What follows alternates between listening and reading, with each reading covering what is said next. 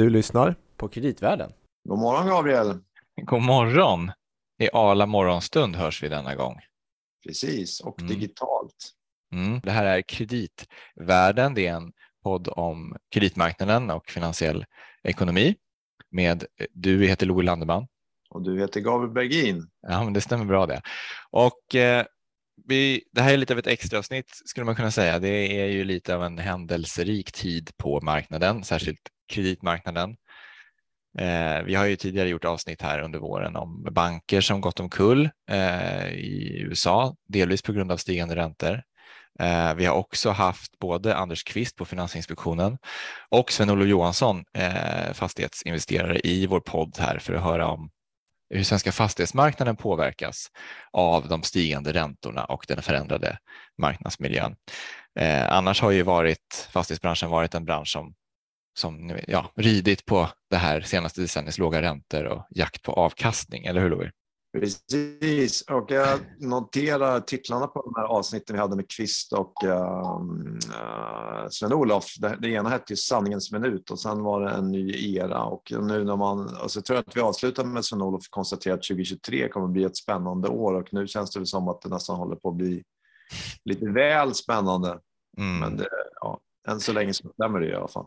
Ja, han sa ju faktiskt det i slutet av det där senaste avsnittet att en korrigering är det som väntar för den här branschen och för vissa marknadssegment kan det bli rätt dramatiskt.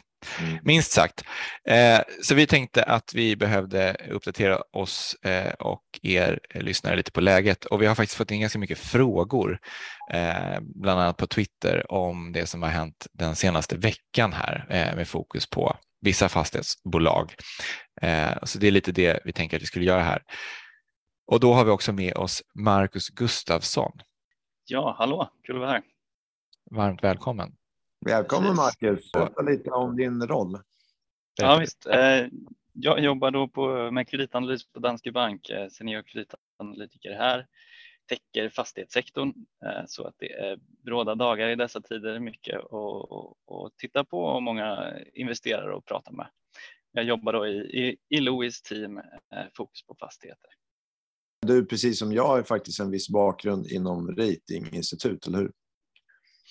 Ja, det stämmer bra. Eh, innan jag började på, på Danske så satt jag på Nordic Credit Rating och sysslade där med kreditanalys, eh, satte kreditbetyg tillsammans med mina före detta kollegor där på framförallt fastighetsbolag. Så att, så att eh, där var jag i två och ett halvt år. Innan det så, så satt jag på eh, investerarsidan på ett fondbolag som heter Agenta eh, i fyra år. Mycket fokus även på fastigheter där så att jag har ju haft förmånen att följa den här sektorn i ganska många år i, är väl uppe i nu. Louis, det låter ju helt perfekt för det här avsnittet. Innan vi går vidare så ska jag också bara eh, Eh, säga då, för att det här är värt att säga ibland i en sån här podd, att det som vi pratar om här är alltså bara information och eh, egna åsikter och tankar. Det är inte att betrakta som investeringsrådgivning. Det är viktigt att ha med sig, eh, har vi det sagt. Eh, Ja, jag tänkte Marcus, ska vi börja och titta lite och uppdatera oss på hur läget är på fastighetsmarknaden? För nu har ju faktiskt nästan alla bolag väl presenterat sina kvartalsrapporter för första kvartalet och det kanske ger en bild av hur illa det egentligen är med, med de här stigande räntorna och hur det har påverkat branschen. Vad säger du? Eh, ja, det stämmer bra. Eh, Q1 känns ju som en evighet sedan, men eh, de flesta bolagen har ju rapporterat ganska nyligen ehm, och det man kan säga generellt sett så är det väl att, att bolagens rapporter är ganska stabila, framförallt i en operationell synpunkt. Eh, Hyresintäkter och driftnetton stiger generellt sett eh, och i många fall ganska markant mot bakgrund av de eh, inflationsjusterade hyrorna som, som många kommersiella aktörer har. Eh, Så att eh, de liksom än så länge kan man säga att man inte ser någon direkt påverkan från en svagare svensk ekonomi. Ehm, vakansgrader är fortsatt, fortsatt låga och eh, den operationella verksamheten traktar på som den ska för de allra flesta. De problem vi ser i sektorn just nu handlar snarare om den finansiella sidan där de, de högre räntorna dels innebär att eh, det blir betydligt högre kostnader för bolagen som, som generellt sett har ganska hög skuldsättning. Ehm, men man kan också säga att de högre, det högre ränteläget sätter press på fastighetsvärden också. Det mm. innebär att nyckeltal som belåningsgrad stiger. Ehm, och, och i och med att många av de här bolagen har då officiella kreditbetyg från externa kreditvärderare så sätter det även press på bolagens eh, eh, kreditbetyg då och ökar risken för fler nedgraderingar i sektorn. Det är ju eh, så att när räntor stiger eller ränteläget i ekonomin stiger generellt så ökar också oftast avkastningskraven och de används ju för att göra de här marknadsvärderingarna av fastighetsportföljerna. Har man sett det? Eller känns det som en rimliga avkastningskrav som fastighetsportföljerna värderas på nu eller finns det liksom ytterligare kanske fastighetsvärdefall framöver?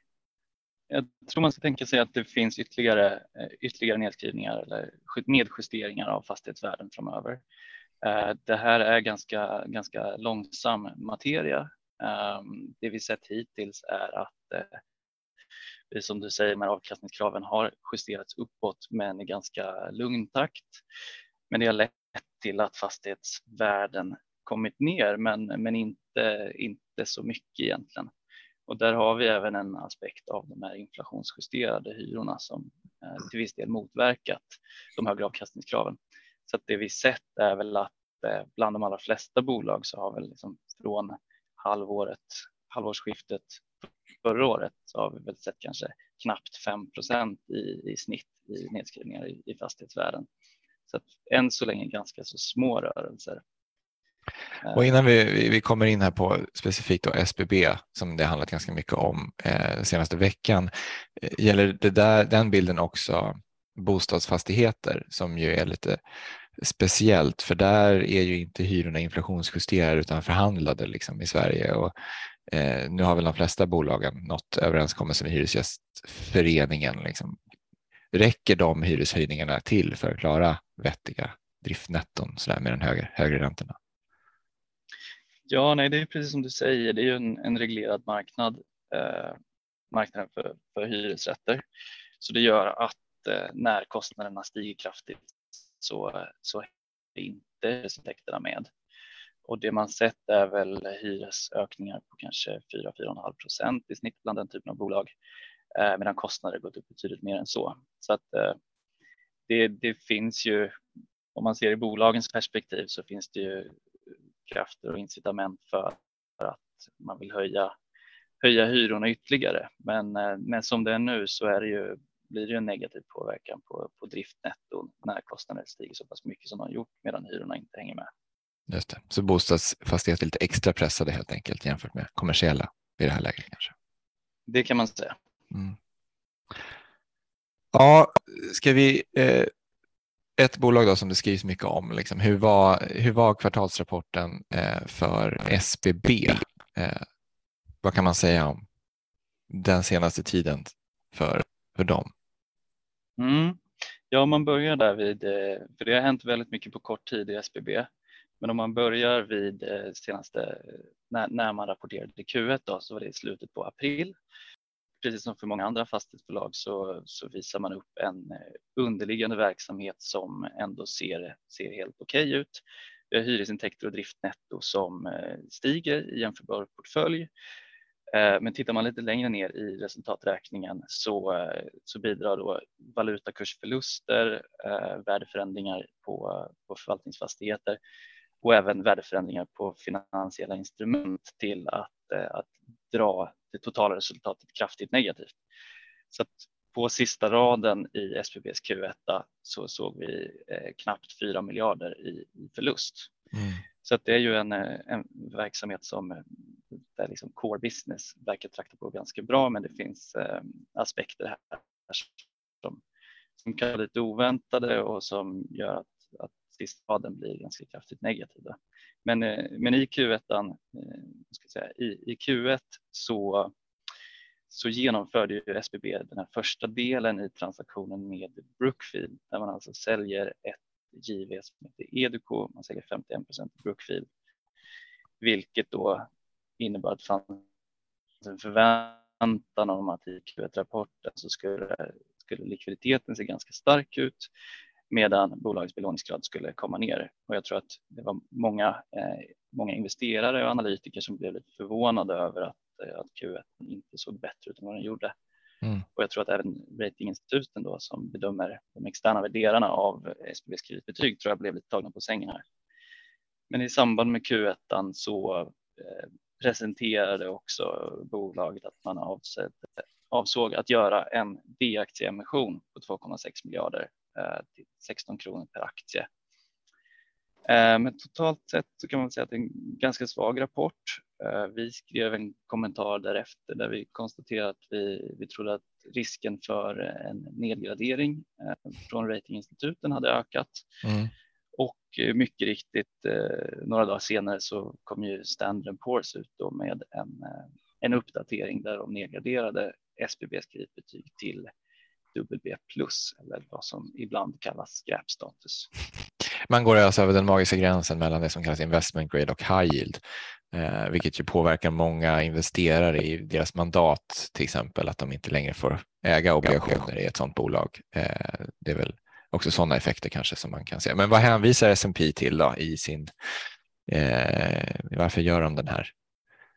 Ja, nej, men precis. Eh, S&P lyfter fram flera aspekter. Dels är det den här transaktionen då, försäljning till Brookfield som inte riktigt gav dem den, de förbättringar i nyckeltal som man hade förväntat sig. Man kommenterar även att bolagets eh, belåning fortsatt är hög, hög samtidigt som räntetäckningsgraden kommer ner eh, medan även bolagets likviditetsprofil är på den svaga sidan. Så att det här leder ju precis som du säger till att man kommer ner under den här magiska gränsen som man vill hålla sig över. Skillnaden mellan investment grade och high yield. Och i SBBs fall så har man eh, vissa av bolagets obligationer har har ändå en skrivelse som innebär att, eh, att räntan i de obligationerna går upp med 1,25 procentenheter om man blir nedgraderad till high Så att det här händer momentant och innebär att eh, SBB får ungefär ja, knappt 300 miljoner kronor högre räntekostnader per år framöver. Och det här, och det här, den här klausulen, det är på deras hybridobligationer, eller vad ska man säga, det som är det minst, mest juniora eller mest riskfyllda av deras obligationsportfölj? Nej, den, den här klausulen är på eh, vissa obligationer, men det är seniora obligationer. Så mm. det är en mhm. viss andel av de seniora som får den här step-upen i, i ränta. Just, just det, okej. Okay. Eh, men det här blir ju såklart eh, någonting som aktiemarknaden fångar upp också och det innebär att, att bolagets aktiekurs faller kraftigt, både för B och D-aktien och för den här föreslagna D-aktieemissionen så blir det ju egentligen spiken i kistan för att aktiekursen på D-aktien är långt under det, det priset man hade tänkt sig i nyemission. Mm. Så att bara dagen efter så går bolaget ut eh, med ett pressmeddelande där man ställer in den här D-aktieemissionen. Eh, samtidigt så väljer man att skjuta på de utdelningar som man redan har beslutat eh, för att bevara likviditet i bolaget. Man kan ju också lägga till där att S&P indikerar ju i den här nedgraderingen att även efter nedgraderingen så vill man ju se att bolaget säkerställer mer eh, likviditet som man inte anser att man har för de kommande 12 månaderna. Och där är ju faktiskt den här tidigare planerade emissionen av D-aktier en del av att få fram de pengarna. Så att när den faller så faller ju egentligen den extra likviditeten bort, vilket innebär att bolaget på något vis måste lösa det här på något annat vis. Eh, och då kan man väl tänka sig till exempel att sälja mer tillgångar, vilket ju är nästa steg som man kommer till sen, eller hur Marcus? Ja, men precis. Ehm, så att fokus för bolaget därefter blir att minska sin skuldbörda genom att sälja tillgångar. Och bara några dagar efter att man ställt in den här D-aktieemissionen så säljer man stora delar av eh, sitt innehav i JM. Och eh, det här är ju någonting som får en del uppmärksamhet i media också och vi får väl se i Q2 vad, vad effekten blir på likviditet och så vidare. För att det finns väl, finns väl saker som antyder att det, där, det kan vara eh, viss belåning kopplad till JM-innehavet som gör att likviditeten kanske inte blir, blir så positivt som man kan ha hoppats. Men eh, det återstår att se i, i Q2 helt enkelt. Men efter det här så dröjer det egentligen ett, ett par veckor där det inte händer så, så mycket. Ehm, men sen eh, i fredags förra veckan då, så var även Fitch, då, andra ratinginstitutet som följer SBB, var ute och, och nedgraderade bolaget, även de då till WB plus rating. Ehm, det här ger dock inga direkta konsekvenser i hög, termer av högre räntekostnader, eh, inte direkt i alla fall. Men det innebär att bolaget blir, kommer ännu längre ifrån att, att komma tillbaka till obligationsmarknaden kan man säga. Mm. För att, så vad ska man säga, även om de hade kunnat komma ut på obligationsmarknaden så skulle ja, teoretiskt då, så skulle räntan bli otroligt hög, vilket skulle drabba liksom likviditet och soliditet på sikt. Ja, precis. Som det, som det är just nu så skulle det vara allt för dyrt för bolaget att komma ut på obligationsmarknaden. Mm. Så det, jag tror inte att det är en, en eh, det är inte ett reellt antagande. I, i Nej, jag förstår. Nej, men för affärsmodellen har väl lite varit att också bygga tillräcklig storlek och balansräkning liksom, så att man får en hög kreditvärdighet och kan finansiera en ganska hög belåningsgrad på annars tillgångar som inte ger så stora intäkter, bostadsfastigheter och så vidare. Ja, precis. Ja. Exakt. Mm. Så vad hände i måndags då? Vad, vad, vad, efter helgen och den här nedgraderingen från Fitch? Ja, precis. I måndags var ju nu nästa aktion från bolaget då, och det man, man kom ut med två stycken separata pressmeddelanden eh, på måndag morgonen. Dels så, så kommunicerade att man, man, att man utvidgar den eh, man utvidgar översynen av bolagets strategiska alternativ och man öppnar egentligen upp för att, eh, för att sälja hela bolaget. Och det här är ju någonting som får väldigt mycket uppmärksamhet i media Eh, och det gör lite grann att, att fokus förloras från det andra pressmeddelandet som vi kanske tyckte var eh, ännu, ännu mer intressant. Och i det andra pressmeddelandet så skriver man egentligen att, man, eh, att bolag möblerar om i sin resultaträkning kan man säga. Flyttar runt poster, vilket i mångt och mycket ser ut som en icke-nyhet men som egentligen då har en del viktiga konsekvenser. Och det var då det här som vi kom ut med en kommentar kring i, i onsdags där vi, vi uppmärksammar att den här förändrade redovisningen eh, då som vi tolkar det har att göra med att bolaget de facto brutit en kovenant i, i sitt EMTN-program. Eh, räntetäckningsgradkovenant mer specifikt eh, och under det här programmet där man lånar pengar täcker så gott som alla alla bolagets utestående obligationer, nästan till i alla fall. Mm. Och varför gör man det? Vad är det, som, vad är det som gör att man bryter den helt plötsligt? För att så är det väl inte i Q1-rapportens tabeller, eller? Nej, precis. Så det, det, man kan säga om den här kovenanten då är att den är, den är skriven på ett, ett, ett sätt som kanske inte var kanske inte optimalt. Eh, det, det som ingår i täljaren av den här räntetäckningsberäkningen är eh, det som definieras som, som resultat före finansiella poster. Och olyckligt nog i bolagets perspektiv då, så inkluderar då den raden under bolagets tidigare redovisning även eh, resultat från joint ventures. Och i och med att, att bolaget haft stora negativa värdeförändringar i joint ventures så gör det att den här ränteteknisk graden har fallit markant under senaste kvartal. Mm. Eh, och i mångt och mycket så är ju det icke kassapåverkande, kassaflödespåverkande poster, vilket innebär att, att det kanske inte är optimalt att ha med den i kovenanten, men som kovenanten var skriven, eller är skriven fortsatt, så under bolagets tidigare rapportering så är det i våra ögon i alla fall ingen tvekan om att den ska ingå. Det bolaget gör då är att man möblerar om i resultaträkningen. Man tar de här resultaten från joint ventures, flyttar ner dem längre i resultaträkningen så att det inte längre ingår i beräkningen av kovenanten. Och bolagets eh, linje kring det här är ju att tack vare, man säger egentligen inte att man byter kovenanten i, i Q1, men tack vare då den här förändrade uppställningen i resultaträkningen så bryter man inte kovenanten i, i, i Q1 efter att ha gjort den förändringen. Då. Och även i Q2 så ser det ut som att man inte kommer bryta kovenanten längre tack vare det. Mm. Och där kan man väl lägga till att vad vi också säger är mm. att vi egentligen skickar ut vår kommentar för att tala om att vi uppfattar att det här har hänt. Sen är inte vi de som kan bedöma exakt de legala konsekvenserna av, man kan ju säga på, på sätt och vis att bolaget så att säga åtgärdat problemet, men kan det bli någon efterverkan av att en obligationsägare så att säga kan hävda att man får inte retroaktivt om man nu har brutit en kombinant ändra sin redovisning så att man är i linje med den. Så kan, skulle en, en obligationsägare med med framgång kunna driva den tesen eh, legalt och få rätt. Eh, det är väl oklart. Eh, bolaget har sin syn och sen kan då en investerare ha en annan syn. Och i slutändan, det finns i det här fallet som vi förstår ingen trustee eller liknande som går in, utan i så fall så då måste man ju gå till domstol och, te och testa den saken. Och gissningsvis är det också en ganska ganska lång process. Jag tror inte vi kommer att få något klart svar på det i närtid, utan vi ser det väl mer som att det här är en form av osäkerhet. Men anledningen till att vi gick ut med informationen var mest för att vi tyckte att det här är ändå väsentlig information som vi tycker att marknaden bör få. Just det.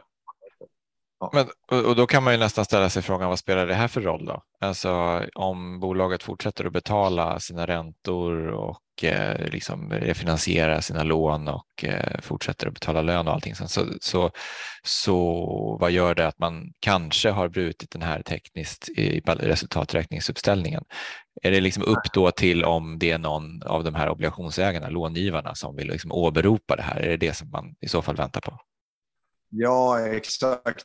Därför att, och varför det är ändå en så pass viktig grej är ju konsekvensen om obligationsinvesterarna i slutändan skulle driva den här tesen och få rätt så skulle det ju leda till en event of default, vilket skulle göra att um, obligationsinvesterarna skulle ha rätt att få tillbaka sina pengar på obligationerna momentant. Och det är så stora belopp så det är svårt att se hur det egentligen skulle gå till, utan då skulle man ju gå in i någon form av rekonstruktion i så fall.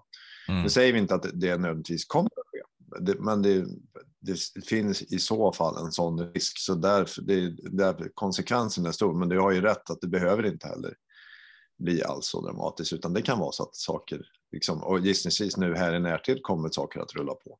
Mm. Så. Men eh, för det är faktiskt en Twitterfråga som vi har fått just liksom vad, om en, om en konvenant bryts, vad behöver hända?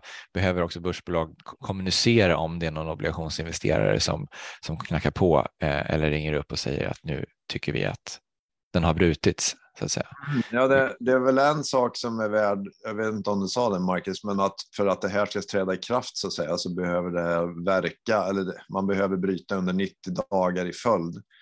Så det innebär i praktiken att du behöver bryta mot kovenanten först i Q1 och sen även i Q2 då. Mm. Och då kan det liksom verkställas. Men nu, nu kommer man ju inte att göra det eftersom man har gjort den här justeringen. Då. Men, ja. men så, så, som konvenanten är skriven så är det liksom inte bara att bryta vid ett tillfälle utan det här är under en period och det är också för att ge bolagen normalt sett en chans att åtgärda ja, ja, problem. Att inte ha onödiga events of defaults liksom. Men... Nej, precis. Och sen är det också beroende på vad det är för konvenant man har brutit. Hade det varit en belåningsgrad, då kanske man kan sälja tillgångar och få ner belåningsgraden. Men en räntetäckningsgrad är ju svårare att snabbt åtgärda. Det tar ju mycket längre tid. Så att...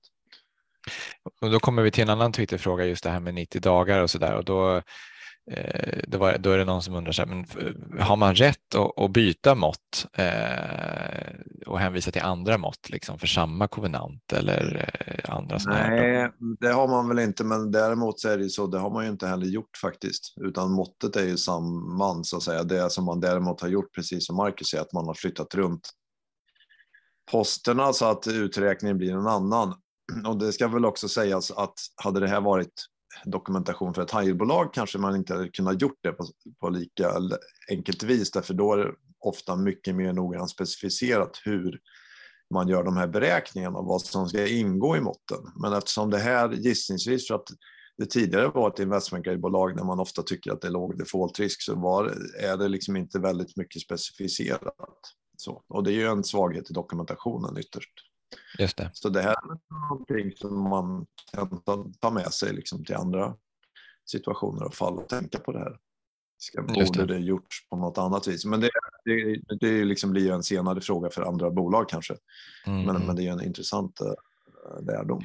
Det känns som en evig fråga. Det känns som en evig fråga på kreditmarknaden. Eh, liksom. mm.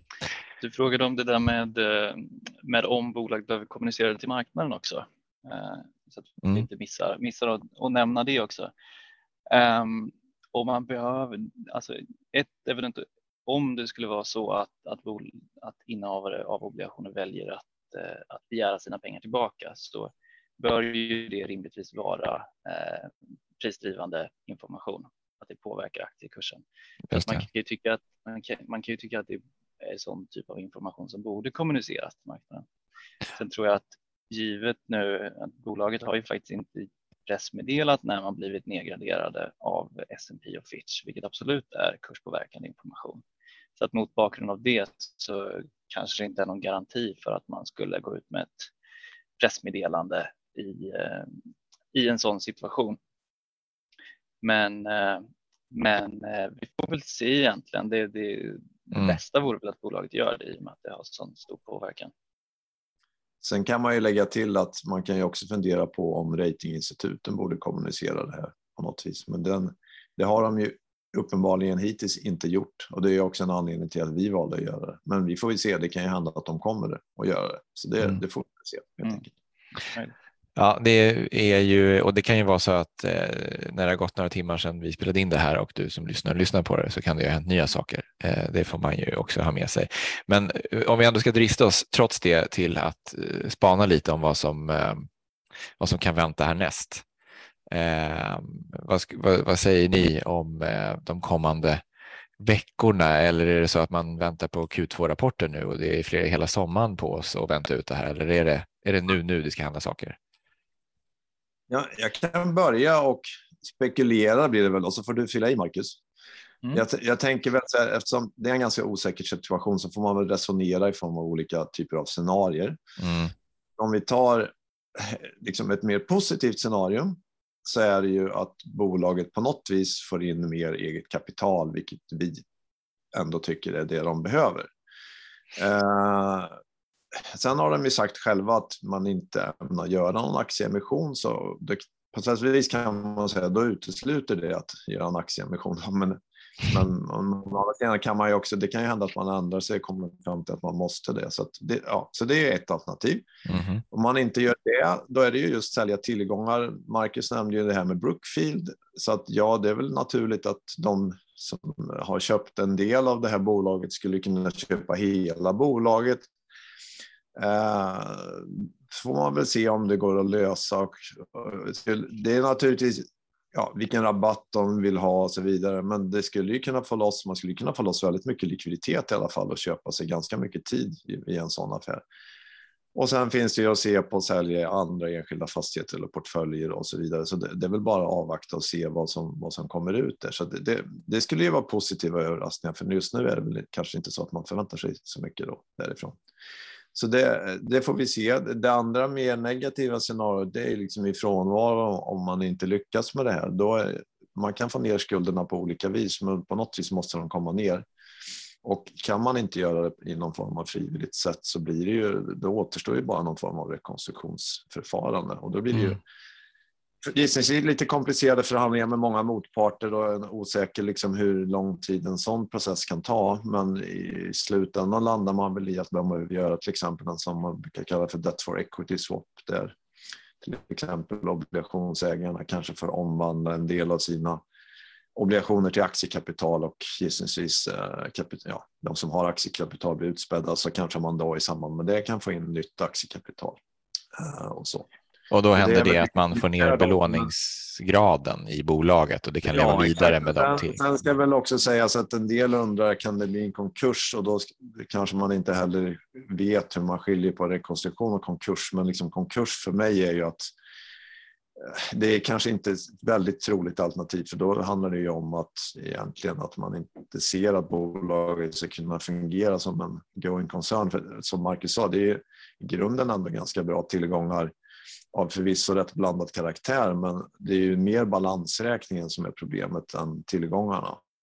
Och då brukar man ju kunna lösa det genom att få ner nivån på skulderna. Sen så kan man liksom hitta, kan bolaget fortsätta. Och då kan man också undvika att sälja saker till väldigt nedpressade eh, priser, för det är också någonting man får ta i beaktande. Vad är bäst här? Liksom att göra saker i lugn och ro och stabilisera eller att liksom under panik sälja ut saker till väldigt stora rabatter, vilket ju också kan, skulle kunna skada resten av fastighetsmarknaden. Mm. Va, och det, det var ju, du var inne lite på det, men en fråga från Twitter var ju liksom, vad är worst case för SBBs hybridobligationer? Um, och då sa du till exempel då det här en debt for equity swap, uh, att man skulle kunna bli aktieägare istället uh, med, någon, med någon ratio i förhållande till sitt investerade kapital. Men är det worst case för mm. ägare av hybridobligationer eller är det ett good case? Um, ja, det är väl en öppen fråga, men, men egentligen är det väl så här nu. För detta med om jag har fel, Marcus, men vi, det beror ju på vilka rabatter man antar på liksom tillgångarna i en sån här process. Men om man tar, höftar till och säger liksom att vi behöver ha en haircut på 30-40 procent, säg, från bokförda värden, då blir det som vi räknar det så att man kommer hyfsat väl ut som senior obligationsägare. Men däremot så blir det inte speciellt mycket kvar till hybridägare och alla därefter, inklusive aktieägare. Just det. Så, ja, mm. så det innebär ju worst case är ju alltså rent krasst noll. Ja, jag tror man mm. kan ha med sig också att det, det finns en tydlig eh, prioritetsordning i ändå en, om man skulle hamna i någon typ av eh, rekonstruktion. Att, eh, att prioriteten är ju att aktieägare tar första smällen, sen hybrid, hybridobligationer och därefter seniora skulder. Så att om man tänker sig att vi skulle se någon typ av debt to equity swap, oavsett hur sannolikt det är, men om vi skulle hamna i en sån situation om man tänker sig kanske nedskrivningar av skuld i samband med det så får man se det som att om, om de seniora skulderna faktiskt tar förluster här, då ska ju hybriderna ta, ta stora förluster och kanske skrivas av helt och hållet. Eh, så att i ett worst case scenario så är det väl något sånt man kan tänka sig. Och det worst case som ni skissar upp nu, då har också liksom fastighetsvärdena fallit ganska betydligt i förhållande till eh, vad de är bokförda nu senast så att säga. Får man ha med sig också. Mm. Ja. Okej, okay, sen fick vi också en fråga om eh, någon som har så här, men det måste ju ha hänt förut att det har varit konkurs av stora fastighetsbolag och där man har gjort sånt här. Finns det några liksom, erfarenheter från det som man kan ta med sig? Eh, jag reflekterar bara ja. att göra några paralleller för många, liksom. men 90-talet i Sverige, då var det en lite annan situation, för då var det ju snarare bankernas som först tog över fastighetsbolagens tillgångar och sen delade man upp dem eh, Eh, i så att säga bättre och sämre tillgångar. Eh, och så det gjorde ju att man kunde få ganska mycket bättre utväxling eller liksom recovery eller återbäring på de här sämre fastighetstillgångarna i stationstecken för att man kunde hålla dem under längre tid och förvalta dem och sen sälja dem när det var en bättre marknad. Men det var ju, på, det är ju i ett makroperspektiv och där man hade väldigt stora portföljer. Jag vet inte om det är helt jämförbart kanske. Känns som att du svarade väldigt bra på den frågan, Gabriel. Tack, det var snällt. Ja. Nej, ja. men alltså, det är väldigt... jag håller med, det är 90-talet man får se på vad gäller större eh, konkurser. Men det som skiljer nu från då är ju att det var som det säger banker. Sen var ju då bankernas mm. belåningsgrad mycket högre. Eh, så det är väl bara viktigt att tänka på det. Att, även om det kan bli liksom långa processer nu så tror vi ändå hur så som balansräkningen ser ut att bankerna ser väl ändå ut att sitta ganska bra till här. Mm. Eh, det är en viktig grej. Sen är den stora skillnaden är ju att vi pratar kanske egentligen mycket totala större skuldvolymer idag och att vi har det här med att det är obligationer med i bilden och då också många fler innehavare dem. Så att det blir ju mer komplexa processer eh, och du ska liksom forma kommittéer och alla ska komma överens och så där. Och den aspekten fanns ju faktiskt inte då som du säger. Då kunde man ju liksom mera sitta i ett rum och komma mm. överens mm. allihop så gör vi så här det, det kommer ju bli mer komplicerat om det, i situationen nu. Vi hade ett par andra frågor här som, som det känns som att ni eh, gemensamt har svarat på, men det är väl det här liksom vad, vad, är, vad, kommer Dels är så att säga den här portföljen too big to fail, det vill säga kan man sälja den här fastighetsportföljen på ett bräde utan att påverka fastighetsvärden generellt eller att det ska vara eller att, så att de fastighetsvärdena på de här fastigheterna faller väldigt kraftigt. Det är väl en öppen fråga kanske. Jag bara slänger in en till då medans, eh, och det är om statens roll, för det har ju skrivits mycket den här veckan nu om att staten är i diskussioner och, och kan staten och det är väl antagligen framför allt därför att SBB äger just så mycket samhällsfastigheter, alltså kommuner som antingen har sålt eller har fått fastigheter uppförda av SBB och att då blir det en helt plötsligt en säkerhetspolitisk diskussion för vissa och också en, ehm, en ekonomisk diskussion om kommunerna kommer att fastna med någon mycket mer belånad fastighetsägare som kommer ta ut högre hyror. Ehm. Eh, börja med den här statliga, så får man också skilja på vad man liksom eh, olika personer vill att man ska göra och sen vad man kommer att För det här att till att börja med, skulle staten gå in och köpa fastigheterna, för mig känns osannolikt. Och det är ju ändå, för att börja med, oftast kommuner som har sålt. Eh, och de har ju sålt av en anledning, så de måste väl ändå från början ha tyckt att de kan ägas av ett privat bolag. Så varför det helt plötsligt skulle behöva bli offentligt igen, det förstår inte jag. Sen kan man ju diskutera var det en bra eller dålig affär, men det, är, det är liksom någonting retroaktivt som blir lite konstigt att sitta och, och spekulera kring nu. Så nej, jag har nog svårt att se det. Sen är det klart, i enskilda fall kan det ju bli att kommuner kanske kan eh, gå in och se om de är intresserade. Sen ska ju också kommunerna ha pengar till det, ska vi säga. Så de har väl ingen budget för att egentligen för att göra, för att göra detta. Uh, sen blir frågan liksom statlig inblandning, too big to fail. Uh, jag tänker mig mer att det skulle vara i ett fall där man känner att den här rekonstruktionsprocessen är, liksom inte går till på ett kontrollerat vis, då kanske man vill eh, komma in och styra upp den processen då i så fall. Det kanske är mer så. Eh, och då leder vi det till hur stort om man ska sälja tillgångar. Ja, på något vis kommer det att spilla över på, på resten av marknaden, inte minst för att man naturligtvis får evidens på gjorda transaktioner. Sen så hur man kan sen hur det eventuellt kan sprida sig till andra bolag blir väldigt varierande, för vissa kanske har direkt koppling på respektive ort och segment och så där, medan andra har du kontor i centrala Stockholm så kanske det är svårt att säga att man ska ta hänsyn till något, någon försäljning av en tillgång som gjorde under stressade former av någonting i Härnösand. Liksom. Så att, men ja, det påverkan och sen har vi också den liksom, psykologiska påverkan finns väl också liksom rent sentimentsmässigt mot, mot hela branschen. Det, det finns väl också den spelningen, men kanske inte egentligen så mycket direkta kopplingar. Mm. Eh. Jag, kan väl, jag kan väl bara fylla, fylla på där att, eh, att jag, jag håller helt med det, det Louis säger, men eh att, att, men. att, att det Louis säger. Men det, det, jag kan säga att, att, att staten ska komma in och köpa köpa tillgångar, ja, några enstaka fall kanske, men inte, inte hela bolaget eller stor del av portföljen. Det tror jag är osannolikt. Mm. Uh, vad gäller too big to fail så, uh, så ser jag väl inte riktigt varför man skulle vara det, utan man får liksom fundera på vad innebär det att, om bolaget failar, vad innebär det? Det innebär troligtvis att aktieägare tar mer förluster, hybridinnehavare likaså och seniora gör någon typ av, av liksom debt to equity swap eller något sånt. Det är väl snarare ett sånt, så, så ett fail scenario ser ut för att få ner skuldsättningen. Men det är ju inget som, och det kan absolut få spridningseffekter. Men, men jag tror att det är ju, ja, konkursscenariot är ju, alltså en regelrätt konkurs känns ju osannolikt ändå. Eh, jag tänkte för att avrunda eh, så är det här ju en ehm, Eh, Eh, jag avrundar med en väldigt bred eh, eventuell diskussion, men jag tänker nu, det får vara korta svar. Eh, och det, som, som du sa Louis, det är ju inte banksektorn i det här läget just nu som är, som, som, som är drabbat, utan det är ju fastighetsbolagen specifikt. Då. Sen beror det på vad som händer. Och jag tänkte bara, det, timingmässigt är det intressant för igår så höll eh, nya eh, riksbankschefen en presskonferens om nya finansiella stabilitetsrapporten och då fick han ju frågor om fastighetssektorns problem och då svarade han så här. I grunden är det inte så svårt att säga vad det här handlar om. Det är skuldsättning, punkt. Den måste ner.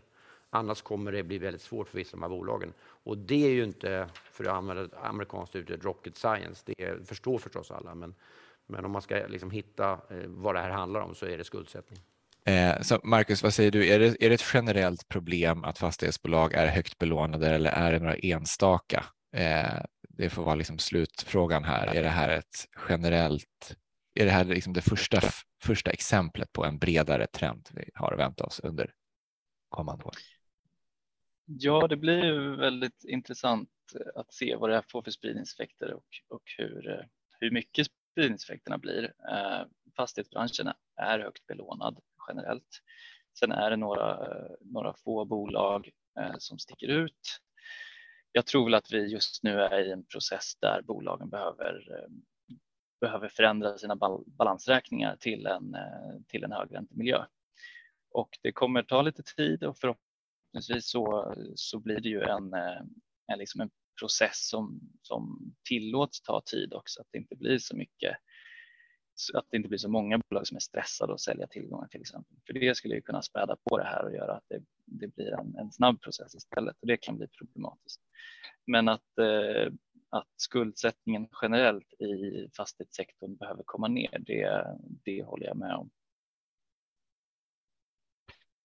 Louis, har du något att tillägga? Ja, och jag kan bara Nej, jag bara håller med om att det är så. Sen ska vi säga att vi har ju också haft ett år nu där vi har fått ner skuldsättningen och många bolag har gjort aktieemissioner. Så att om man kan fortsätta jobba på det här i gradvis takt så känns det väl som att man ska kunna jobba ut de här problemen. Med stöd av ägare, vilket är väldigt viktigt att säga. Okej, då hoppas vi att kostnaderna inte springer iväg ytterligare och att eh, räntorna inte drar iväg ännu mer. Eh, så hoppas vi att vi kan rida ut det här helt enkelt. Men spännande dagar framför oss. Eh, vi får se om det blir någonting mer just nu. Här har man i alla fall fått lite känsla för vad vi ska hålla utkik efter vad gäller eh, kommande veckor för SBB och fastighetsmarknaden.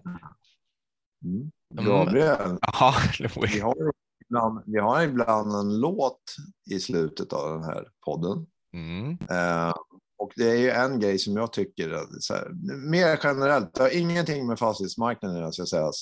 Vi pratar för lite tyska i den här podden.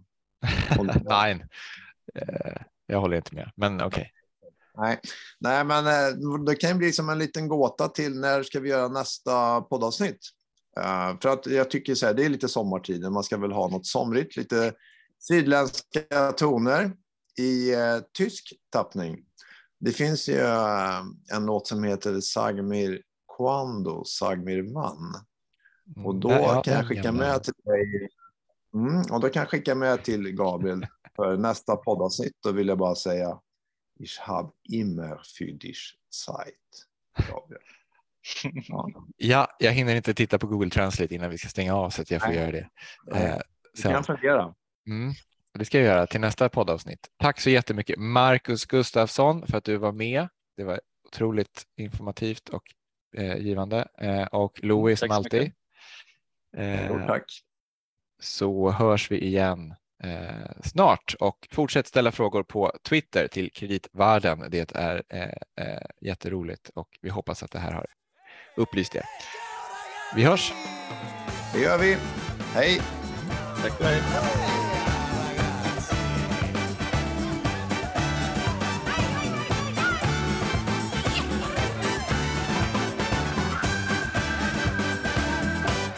Mir cuando, sag mir wann. Sag mir cuando, cuando, cuando ich dich wiedersehen kann. Ich hab immer für dich Zeit. Sag mir cuando, sag mir wann. Sag mir cuando, cuando, cuando ich dich wiedersehen kann träumen so wie neu. Lass uns träumen an mir, einen Traum voll Amor. Denn so schön wie ein Traum kommt dir dann das Leben vor. Sag mir quando, sag mir wann. Sag mir quando, quando, quando